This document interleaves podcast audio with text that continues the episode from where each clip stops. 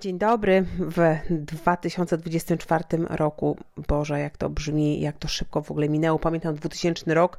Jeśli ktoś z Was pamięta, to ręka w górę, kiedy myśleliśmy, że będzie jakiś koniec świata i nie wiadomo, co się wydarzy, a świat po prostu posunął się dalej. Ciekawa jestem, jak tam Wasz ostatni dzień roku i czy w ogóle formy Sylwestra zmieniają się u Was w zależności od wieku, w zależności może od sezonu, w którym jesteście, czy, czy jest to bal, taki wiecie, oficjalny z jakąś orkiestrą, a może impreza w gronie znajomych, a może duża impreza, gdzie znacie tylko jedną osobę, a może wolicie coś typu piżama party, film party czy ciasto party.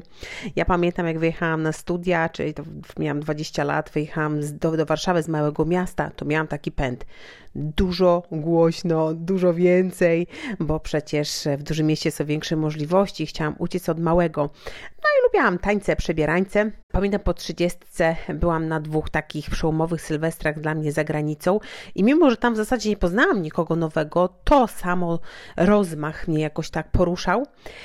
A w małżeństwie wróciłam do tego małego miasteczka, z którego pochodzę i ostatni Sylwester, zresztą trzy ostatnie również, wiecie jak spędzaliśmy? W gronie przyjaciół naszych rodziców, czyli to jest 60 plus, plus młodsi przyjaciele, może 50 plus, grupa osób około 30. I co robiliśmy? Między innymi śpiewaliśmy, między innymi kolędowaliście to jest takie piękne. Zwróćcie uwagę, czy zwróćmy w ogóle uwagę, że e, na przestrzeni pokoleń śpiew jest czymś, co oznacza pewną radość i pewną integrację. I to jest coś tak pięknego i tak zanikającego w dzisiejszych czasach. Wolimy pójść w taniec, może alkohol, coś, co może pomoże nam się otworzyć, a piosenka jest tak niezwykła. Już zrobiliśmy, zadamy sobie listę piosenek, którą zaczniemy w domu codziennie śpiewać, albo co któryś dzień śpiewać, jak tylko kupimy pianino. Planujemy w nowym roku. Ten odcinek jest taki bardzo specyficzny i w zasadzie tu nie będę metrykować, nie będę tu udzielać rad, ale chciałabym ten odcinek taki rzucić do nas wszystkich i niech to będzie takie pytanie.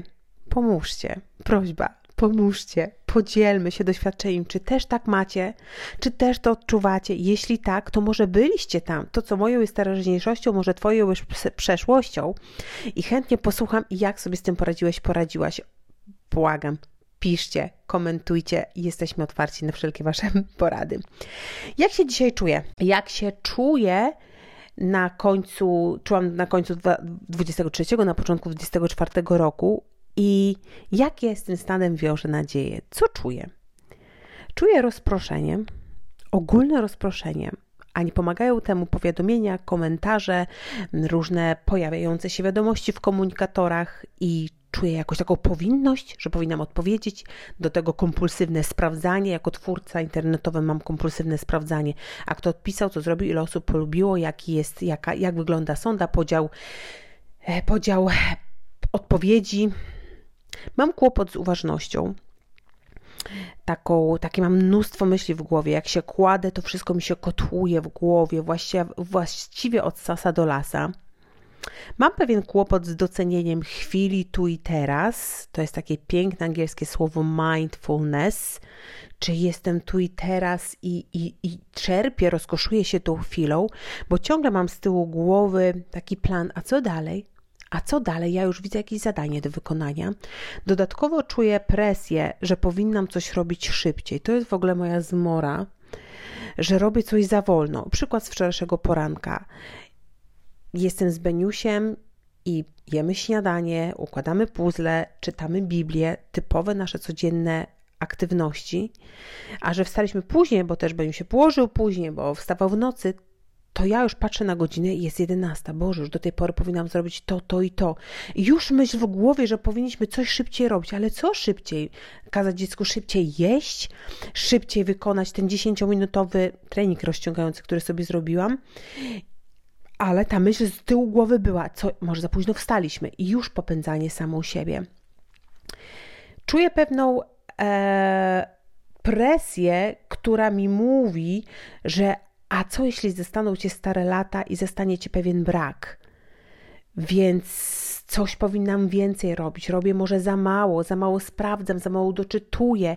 Patrzę, jakie są książki, może powinnam już więcej zrobić, gdzie czytam coś o, o, o, o mamach i mam wrażenie, że ciągle robię za mało. Mówię o relacjach, ale ciągle czuję się, za, że robię za mało w stosunku do mojego męża.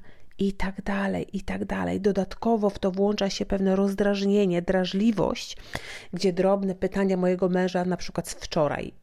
Robimy z Beniusiem placki, ja z Beniusiem i Adaś po prostu wszedł do domu, akurat z pracy i zadaje pytanie, a nie patrzysz teraz na Benia? Bo zauważył, że zajęłam się plackiem, a nie trzymałam Benia to we mnie obudziło jakąś lawinę oskarżeń. Czy nie widzi, że cały dzień się nim zajmuję, jednak go pilnuję, przez chwilę właściwie oderwałam rękę z jego plecków. Zupełnie nieadekwatny komentarz do tej sytuacji. Też zauważyłam, że działam z pozycji głowy, pewnej powinności, pewnej poprawności, a nie z pozycji serca, wiecie, takiego przeżywania, czucia. A że jestem mądra, inteligentna, dużo rzeczy wiem, to spokojnie mogę tworzyć treści, które są dla innych odkrywcze, nowe. Dla mnie natomiast to było coś po prostu z, wynikające z mojej, z, mojej, z mojej jakiejś mądrości ze starego paliwa. Więc w skrócie odczułam coś takiego jak poganianie siebie samej i innych z poczuciem, że im szybciej, tym efektywniej, tym lepiej, tym więcej. I uwaga, ja nie jestem bizneswoman, ja nie jestem kobietą pracującą zawodową, ale jestem mamą na urlopie wychowawczym, mamą w domu. Czyli taką kobietą, która niby przystanęła i zwróciła świadomie wzrok na swoje dziecko i pragnie być u jego boku jak najdłużej, widzieć Beniusia jak się rozwija, rozmawiać z nim, czuć go. Czyli taki bardzo spory krok w podejściu, wbrew podejściu tego świata, gdzie normą jest, że mamy jednak wracają do pracy po 12 miesiącach macierzyńskiego, maluch od pierwszego roku przez kilka godzin jest wychowywany przez żłobek. Tak jest obecnie. Ja stanęłam w kontrze do tego podejścia i wydawało mi się, że to jest taki bardzo świadomy, trzeźwiący krok, ale wychodzi na to, że tu nie chodzi o wielość zadań i rangi tych zadań, rangi krajowej tych zadań do wykonania, ale o to, co się dzieje w naszej głowie, czyli w, teraz w mojej głowie jako mamy, odnośnie tych faktycznych, codziennych odpowiedzialności. A ja mam plany na jest miłość, mam mieć podejście do wychowania mojego dziecka, mam podejście, chcę mieć podejście do relacji z moim mężem i wszędzie tu czuję presję, by nie zawieść, by nie popełnić błędu, bo wiem, jak się słono płaci za te błędy. Jednocześnie wiem, że mam być wobec siebie y, y, łaskawi i przebaczać sobie i możemy następnego dnia się poprawiać. Wszystko to wiem. Ale mimo wszystko widzę w sobie takie rozliczanie, popędzanie, taki pośpiech. Więc zobaczcie, może jesteś, jesteś kimś pracującym, masz mnóstwo zadań na głowie, plus jeszcze siłownia, dbanie o ciało. Oczywiście u mnie też to wchodzi, prawda? I ciągle wyrzuty sumienia za coś, czego nie zrobiłam. Więc wpadłam w pewną pułapkę wysokich wymagań wobec siebie, popędzania, wyrzutów sumienia, że coś mi nie wychodzi i że cały czas robię za mało i za wolno, jestem w ciągłym pośpiechu. I koniec roku, początek tego nowego roku, dobitnie pomógł mi to nazwać, bo nie wiedziałam, co się we mnie dzieje i stanęłam w prawdzie i przestałam to ukrywać też przed moim mężem Adamem. Może nie, że to ukrywałam, ale jakby bagatelizowałam, pokazując, że jakby wszystko jest ok we mnie. Dostaliśmy w prezencie książkę, prezent e, na święta od naszego przyjaciela, który to podarował nam książkę o tytule Jak skutecznie przestać się śpieszyć mm, Johna Marka Comera. I wydaje mi się, że to będzie pewna wskazówka dla mnie, a może i dla mojej rodziny. I czytając tą książkę, odniosłam dwa wrażenia. Po pierwsze, facet zupełnie nie mówi o mnie, bo przecież wymienia takie aktywności, działania, marzenia, wiecie, biznesmenów, jakichś wielkich ludzi tego świata, gdzie ja jestem po prostu mamą w domu, ale z drugiej strony facet totalnie mówi o mnie, bo opisuje te odczucia i mówię sobie rany. Może to jest plaga i epidemia tego świata. Ten pośpiech, to porównywanie się, niby mu nie mówi, że jesteś wdzięczny, ale ja nie mam uważności na dzień dzisiejszy. Dopiero wczoraj, uwaga, wczoraj, dotknął mi taki jeden moment, kiedy Beniuś był na boso, był w piżamce i gdzieś się pochlapaliśmy wodą i zaczęliśmy tańczyć, ja na jego poziomie.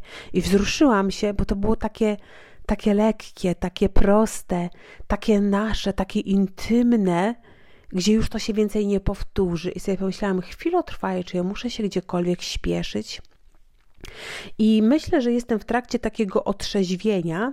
Dotarło to do mnie i przyszło wielkie pragnienie. Ja pilnie potrzebuję i chcę zmiany. I wiem, że to się będzie łączyło z jakimiś nowymi nawykami. Uwaga, nawykami, których ja jestem świadoma od lat, od dzieciństwa. Ale ja chcę je wprowadzić. Ja nie chcę stracić cennych chwil z moim mężem, z moim dzieckiem, bo, bo ja patrzę, ja się poganiam, biczuję i patrzę gdzieś tam dalej i i ba, jeszcze chodzi za mną myśl, co inni powiedzą, typu, a to dzieciątki już mają tyle lat, a dopiero mają to i to, albo o, ona na wychowawczy ma tu Beniuś taki dzikus, e, przecież w takiej rodzinnej, chowanej atmosferze. Nie, chcę dążyć, chcę iść po wolność, po swobodę, wiadomo, nie ideał. I John e, Mark Comer proponuje kilka bardzo ciekawych praktyk, i jedną z nich jest cisza, cisza i samotność, by codziennie znaleźć chwilę na ciszę i samotność. O ciszę zewnętrzną nam łatwiej, prawda? Wyjedziemy na dwie godziny do lasu. O ciszę wewnętrzną już trochę trudniej, bo to myślę, że ja dopiero jestem na początku tej drogi i już widzę, jeśli wprowadzam ten nawyk od tych dwóch dni, tak? Od drugiego, drugi, trzeci, czwarty, nie wiem kiedy słuchasz tego podcastu, ale to jest kilka dni dopiero, kiedy wprowadzam te nawyki to widzę, że to naprawdę jest moc w ciszy i w samotności, kiedy łapiesz swoją myśl, gdzie, jak to pisze pan Komer, dusze nadganiają ciało, bo ciało już jest myślami gdzieś daleko, a dusza wraca i spowalnia. I chcę poszukiwać codziennie tej ciszy i samotności. Wczoraj w łóżku leżeliśmy z mężem i się pytałam Adama, kiedy planujesz ten czas ciszy i samotności? W zasadzie u Adama jest to czas późno w nocy, najczęściej to wychodzi. U mnie myślałam, że będę wstawać rano, ale nie, to nie ja jestem. Ja wiem, że są fani piątej rano, czwartej rano, że o czwartej rano jest najbardziej chłonny i bardziej płodny umysł, ja wiem, że to nie jestem ja. Nie, po prostu uwielbiam spać i chcę wstawać z moim dzieckiem. I to jest też piękne, słuchajcie, jak macie dziecko w domu, że mogą mu dać pospać, że chcę mu przedłużać dzieciństwo, nie chcę go poganiać i wprowadzać w kierat wczesnego wstawania, bo gdzieś już jest już coś do zrobienia. Jesteśmy w domu, śpimy tyle, ile mamy na to ochotę. Oczywiście dziecko ma swój e, górny, górny limit, także nie, nie śpi do 15, ale ja mój cichy czas, mój, moją ciszę i samotność będę generowała, jak on pójdzie spać, czy około 21. Drugi nowy nawyk, który chcemy wprowadzać tak bardzo świadomie, to jest szabat. Jest to słowo z hebrajskiego, które wprowadzał Pan Jezus i którym w ogóle żył. W ogóle te nawyki, o którym mówi Pan Komer, to wszystkie te nawyki wychodzą z praktyki Jezusa. I co ciekawe, Pan Komer mówi, bądźmy nie tylko na, takimi uczniami Pana Jezusa, pójdźmy do Niego na praktyki. Skoro był szczęśliwy, to może warto się do Niego zapisać by, by On był naszym mistrzem. I tak pięknie jest popatrzeć na Jezusa jako drogę. Mówi, czytamy w Piśmie Świętym, On jest drogą, prawdą i życiem i jako ta droga chcielibyśmy na Niego spojrzeć i chcielibyśmy po prostu Go ponaśladować. I On właśnie do tej ciszy się udawał.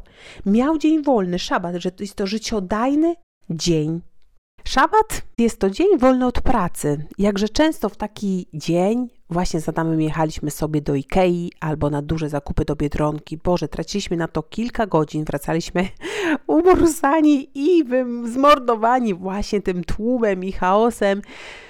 Ach, więc szabat zakłada dzień totalnie poświęcony na spacer, swobodne malowanie, rozkoszowanie się seksem, myślenie o dobrych rzeczach, rozkoszowanie się tu tymi drobnymi momentami z rodziną, granie w gry planszowe. Wiecie, taki dzień totalnie oderwany od pracy. Jakże często właśnie w ten dzień wykorzystywałam na tworzenie treści, na jest miłość, napisanie odcinków. To jest przecież też moja praca. I początek tego roku uświadomił mi, ma być to dzień zupełnie odłączony, odleć sobie, odleć w rozkoszowaniu się tą dobrocią, tym co masz i po prostu się relaksuj. Nie umiem odpoczywać. Na wakacjach owszem, ale w dzień wolny w środku tygodnia, hmm, przecież można go poświęcić na coś bardziej produktywnego niż odpoczynek.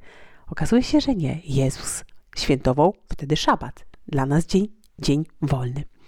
Po trzecie, chce dążyć do pewnego oporu wobec manii gromadzenia. Ja myślę, że mm, jest to może nie taki duży pro problem dla mnie, dla mojego męża, bo przy okazji wydania wszystkich oszczędności dwa lata temu na kupno mieszkania bez kredytu, teraz na remont kuchni i łazienki, nauczyliśmy się trochę żyć wobec tego, według tego, co mamy i na co nas stać, więc nie pojechaliśmy na zagraniczne wakacje w tym roku, 2023 poprzednim, ale byliśmy u moich rodziców ale jest coś takiego, że czasami po głowie chodzi jakaś mania kupna czegoś. Albo że myślę o czymś, chociażby dla mojego dziecka, jaka zabawka by go rozwinęła i chcę bardziej w sobie kształtować wdzięczność za to, co jest, a jak sobie to kupię, to kupię, ale nie chcę o tym maniakalnie myśleć. Bez takiej, wiecie, gonitwy i, za czymś, co jeszcze mogę dokupić, domieć. I po czwarte, spowalniać. Chcę chodzić wolniej. Kto mnie zna, to wie, że ja zawsze chodzę szybko, nawet na spacerach chodzę szybko. Mamo, pozdrawiam cię. Zawsze mama nie nadąża.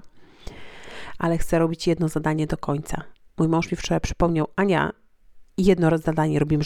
Wielozadaniowość jest pewnym mitem, że przy wielozadaniowości robimy coś, potem się przełączamy na coś nowego i potem na coś kolejnego.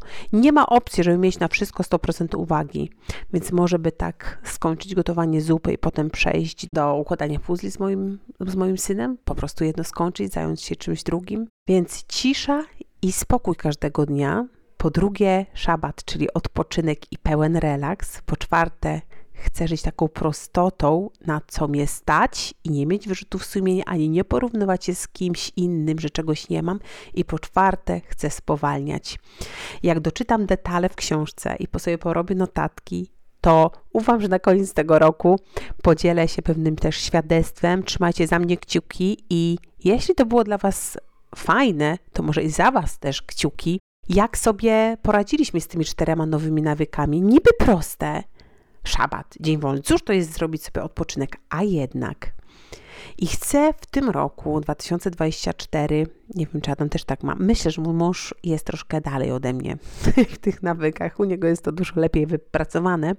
Chcę zatrzymywać skutecznie złodzieja mojej uważności, moich małych momentów, tego złodzieja, czyli pośpiech i poganianie i myślenie o przyszłości. Chcę być tu i teraz, nie negując planowania i myśl, faktycznie myślenia o tej przyszłości, ale nie maniakalnie, nie poganiając się. Taki więc specyficzny odcinek. Chciałabym wiedzieć, czy ktoś z Was był w tym stanie i sobie z tym poradził. Dzisiaj jest już w innym miejscu początek mojego odcinka. Podzielcie się komentarzami, napiszcie do mnie wiadomość. Chętnie posłucham, jeśli coś praktycznego, praktycznego. Ania, no załóżmy, wyłącz sobie budzik. No, tak akurat dziwna porada, bo czasami potrzebujemy wstać na daną godzinę, ale może jest jakaś taka prosta porada, typu odinstaluj sobie aplikację na szabot, na przykład, na przykład, albo, albo, albo poprosimy o wiadomość. Dobrego tygodnia, takiego wolnego od tego złodzieja.